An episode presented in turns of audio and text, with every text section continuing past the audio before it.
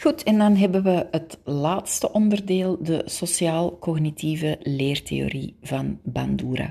Uh, bij deze zijn eigenlijk vooral de slides belangrijk. Die beginnen op uh, dia 26, omdat het in het boek uh, relatief beperkt uitgewerkt staat. Nu, hij baseerde zijn, zijn, uh, zijn, theorie ook vanuit een kritiek op de vorige theorieën. Hè. Het was te veel gebaseerd op de klinische praktijk en hier verwijst hij vooral natuurlijk naar Rogers en te weinig wetenschappelijk ondersteund. Dus vanuit, uh, hier verwijst hij naar zowel de psychodynamische richting als het humanisme. Sociaal-cognitief, het woord zegt het zelf. Sociaal, hij betrekt de omgeving uh, zeker en vast. Cognitief doet ook echt beroep op denkprocessen. Hè. Jullie wisten blijkbaar niet wat het woord cognitie betekende, of toch maar slechts enkelen onder jullie. Cognitie betekent denken. Dit is een term die we al in drie en vier hebben gezien. Ja, jullie horen mijn ergernis enigszins. Denk hier ook aan het Engelse woord cognition uh, het is op zich niet zo moeilijk. Dus het gaat over denken en het maakt in die zin uh, verbinding met het, uh, met het behaviorisme. Het gaat dan niet alleen over uiterlijk waarneembaar gedrag, maar zij gaan ook interne denkprocessen proberen meetbaar maken. Ja, als je gaat kijken, we gaan dat volgend jaar zien naar uh, die cognitieve leertheorie, gaat dat bijvoorbeeld over, uh, ik zal zeggen, je hebt angst, dan moet je zeggen welke gedachten dat er allemaal door je hoofd gaan als je angstig bent. En die gedachten, daarin gaan we eigenlijk werken om die te relativeren, om die te gaan letterlijk uitdagen, om te kijken of dat die waar zijn. Hè. Bijvoorbeeld, uh, is het al ooit gebeurd dat een spin jou effectief gebeten heeft? Ik zeg maar iets. En dan ga je, krijgen die ook huiswerkopdrachten dat die bepaalde angsten moeten durven. Bijvoorbeeld als je je handen niet wast met, met vrees. Geen goed idee nu, handen blijven wassen natuurlijk. Uh, maar iemand met smetvrees, als je je handen niet wast, uh, gebeuren dan de dingen die je gedacht hebt dat die zouden gebeuren. Denk hierbij aan de dvd dat we hebben gezien over het, het huis met die mevrouw met smetvrees. Die man die dacht dat hij moorden ging bekennen. Uh, en die zwarte vrouw met smetvrees, waar ze dat eigenlijk heel schoon hebben geïllustreerd hoe dat zij uh, daar te werk gingen. Dus enerzijds ging het voor concrete uh, opdrachten, zoals hey, rand in toilet steken, dingen vastnemen en kijken of datgene dat je dacht dat dat effectief ging gebeuren. Anderzijds gesprekken met de psycholoog, waarin dat die angsten besproken worden. Waarin dat bijvoorbeeld ook gezegd werd van angst is een slechte vriend. Beperkt je hele sociale leven, uh, neemt zeer veel van je af, doet je dingen geloven die eigenlijk niet met de realiteit kloppen. Dus de basisuitgangspunten uh, staan ook op dia 26. Hè. Het leerproces is belangrijk. Er is een invloed van sociale ervaringen, maar er is zeker ook aandacht voor interne processen, zoals het denken, het geheugen, etc. We weten ook, en dan moet je eens even denken aan uh, hoe, dat we, hoe dat we leren, als ook hoe dat ons geweten tot stand komt, want ook dat is leren. We leren dat iets niet mag en daardoor gaan we gedrag wel of niet herhalen. Ja, je voelt daar heel goed de link die er is met dat behaviorisme. Je hebt geleerd dat als je een heet strijkijzer aanraakt, dat dat pijn doet. Hè? Dus je gaat dat gedrag niet meer uh, stellen. Je leert dat als je tegen je ouders liegt, dat daar een, leu, uh, dat daar een straf uit voorkomt, dat dat meestal negatief is. Dus je gaat dat eigenlijk uh, niet meer doen, of zo weinig mogelijk.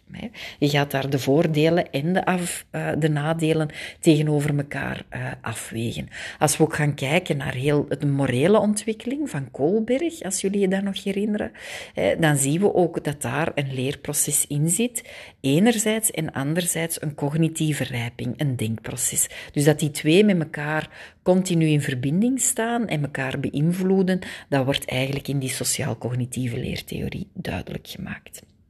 Dus als we eens even in het boek gaan kijken, het gaat over observationeel leren. Observatie, belangrijkste methode bij behavioristen, zien we hier terugkomen. Dan gaan we het geobserveerde gedrag imiteren. Belangrijk woord, hè, daar op pagina 121. Dus het gaat over sociaal leren of modeling. Er is een model dat we volgen. Belangrijk natuurlijk, vooral de ouders, en dat zie je terugkomen in dat Bobodol-experiment of de volwassenen, waar we eigenlijk gaan kijken naar gedrag en dit imiteren. We spreken dus van een rolmodel. Niet beperkt tot de kindertijd, dus daar gaat hij in tegen Freud. Het gaat ook over tieners en volwassenen. Denk zelf maar eens welk gedrag jullie allemaal overnemen. Dus enerzijds observeergedrag, maar ook mentale processen. Dat is het cognitieve stuk van zijn leertheorie. Ja? Ehm, we, we houden rekening met de gevolgen die we zelf ervaren, maar ook met de gevolgen die anderen ervaren. We kunnen dus perspectief nemen over welke invloed heeft mijn gedrag op anderen. Hier in de corona zien we dat mensen daar toch nog niet al te sterk in zijn. Hè? En vooral vanuit een eigen nood gaan handelen. Denk maar aan het hamsteren, denk maar aan de lockdown-parties. We zullen allemaal nog eens uh, het ervan nemen, want het kan niet meer. Hier denk is een schoon voorbeeld, maar ook wel wat pijnlijk, dat er niet echt nagedacht wordt over hoe ons gedrag anderen kan beïnvloeden. Dus hij was het wel eens met de behaviorisme dat een versterker, zou ik eerlijk van spreken, van gedrag ervoor zorgt dat mensen bepaalde gedragspatronen vlugger aanleren. Hij maakte dus uh, zijn theorie duidelijk met het Bobodol-experiment.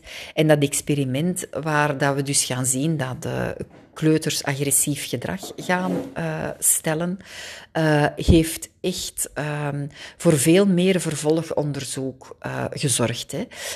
Um, ook het, de invloed van bijvoorbeeld jullie videospelletjes op de PSP, uh, in welke mate dat dat agressief gedrag gaat uitlokken. En ik denk dat jullie dat allemaal ervaren. Hè. Dat het toch ook, en dan heb ik het even over Freud en zijn driften, driften in jullie naar, voor, naar boven brengt, of agressie die eigenlijk niet altijd staan in verhouding tot wat dat er gebeurt. Het blijft tenslotte maar een spel.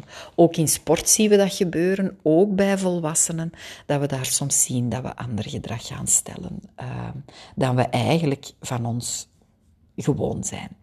Dus waar ligt de uh, interesse, is hoe we gaan leren. Dus we proberen dat op een wetenschappelijke manier in kaart te brengen. Welke invloed dat uh, de sociale omgeving op ons leren heeft. Dus dat social modeling, hè, of dat sociaal leren. En hoe mentale processen en gedachten ons gedrag sturen en veroorzaken.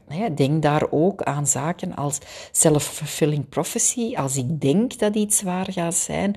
Dus als ik denk ik kan een slechte toets maken, is is het ook um, misschien um, zelfvervullend of zelfvervullend dat dat effectief ook zal zijn. Terwijl als ik denk van kom, ik ga mijn best doen, het gaat mij lukken, dat je misschien uh, een grotere kans hebt op het doen slagen van de toets.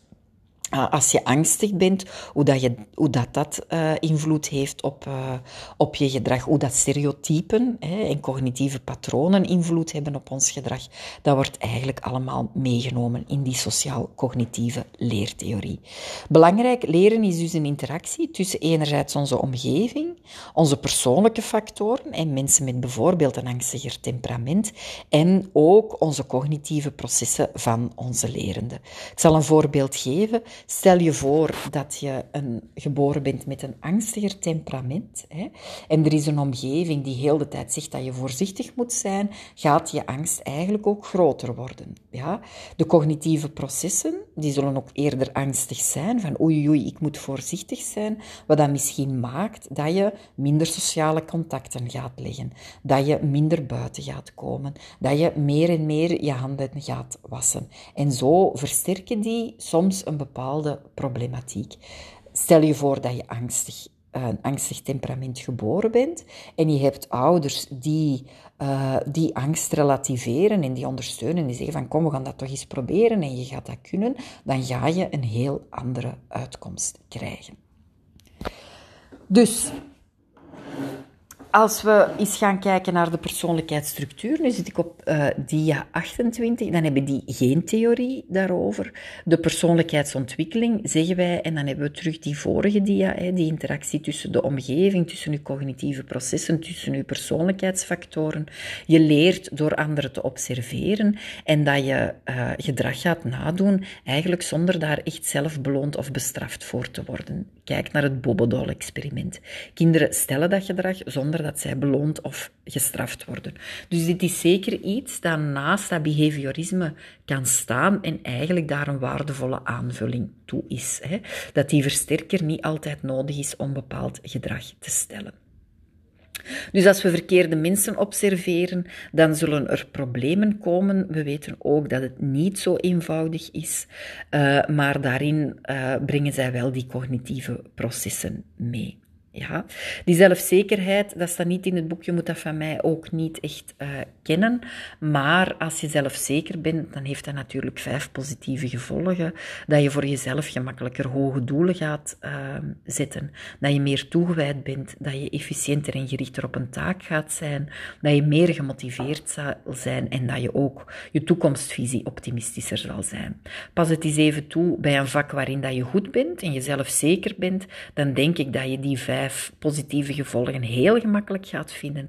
En neem eens een, um, een vak waar je minder goed in bent. Ik zal nu zeggen wiskunde of Frans, want daar zitten de meeste problemen.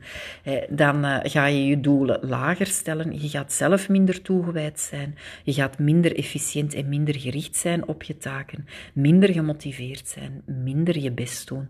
En je zal ook sneller het gevoel hebben dat het toch niet allemaal Dus um, de bedoeling is daar dat je eigenlijk vooral die cognitieve processen of de gedachten die dat je er rond hebt, dat je die verandert. Dat je denkt van kijk, als ik het laat liggen, wordt het alleen maar erger.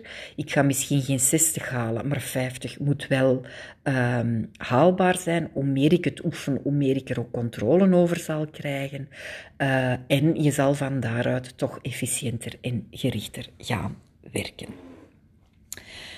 Goed, dus als we nog eens gaan kijken, de kleuters van elke groep. Hè, de kleuters uit groep 1 waren het meest agressief uit, uh, tegenover de pop. Hè. Dat toonde aan dat als iemand een gedrag beloond ziet worden, hij datzelfde gedrag zal stellen. De kinderen uit groep 2 waren negatieve gevolgen van het agressieve gedrag en vertoonden ook zelf het minste agressie. In die zin zit, en dan uh, is het een beetje uh, een waar dat ik sprak over de aanvulling van de behavioristen, dat het niet altijd, um, zeg het is, beloond of bestraft moet worden. We zien natuurlijk wel, dat is een kleine kanttekening, dat als het beloond of bestraft wordt, uh, het aangeleerd gedrag uh, uh, meer agressief is of langer blijft duren. Dus in die zin is die versterker wel um, belangrijk. Ja, maar uh, de kinderen uit groep 3 waren dus ook agressief tegenover de pop. Hè. Dus dat bedoel ik zonder dat er een gevolg, een versterker, een beloning of een straf altijd nodig is. Minder agressief, maar nog altijd wel agressief. Goed, dus het aan te leren gedrag moet veel gedrag uh, aandacht krijgen en versterkt worden door de emotionele band met de geobserveerde. En de lerende moet positieve gevolgen waarnemen van het gedrag bij anderen. Uh, hier wil ik dus de kanttekening plaatsen dat dat niet altijd hoeft, dat dat vooral een variatie aanbrengt in uh, de mate dat het agressief gedrag gesteld wordt, werd. Dus meer of minder agressief. Goed, ik hoop dat het duidelijk is. Zo niet, dan stuur je mij maar een bericht. Goed, ik kom ook af en toe buiten, sport voldoende. Hè. Um, en zoals steeds, draag zorg voor elkaar. Dag.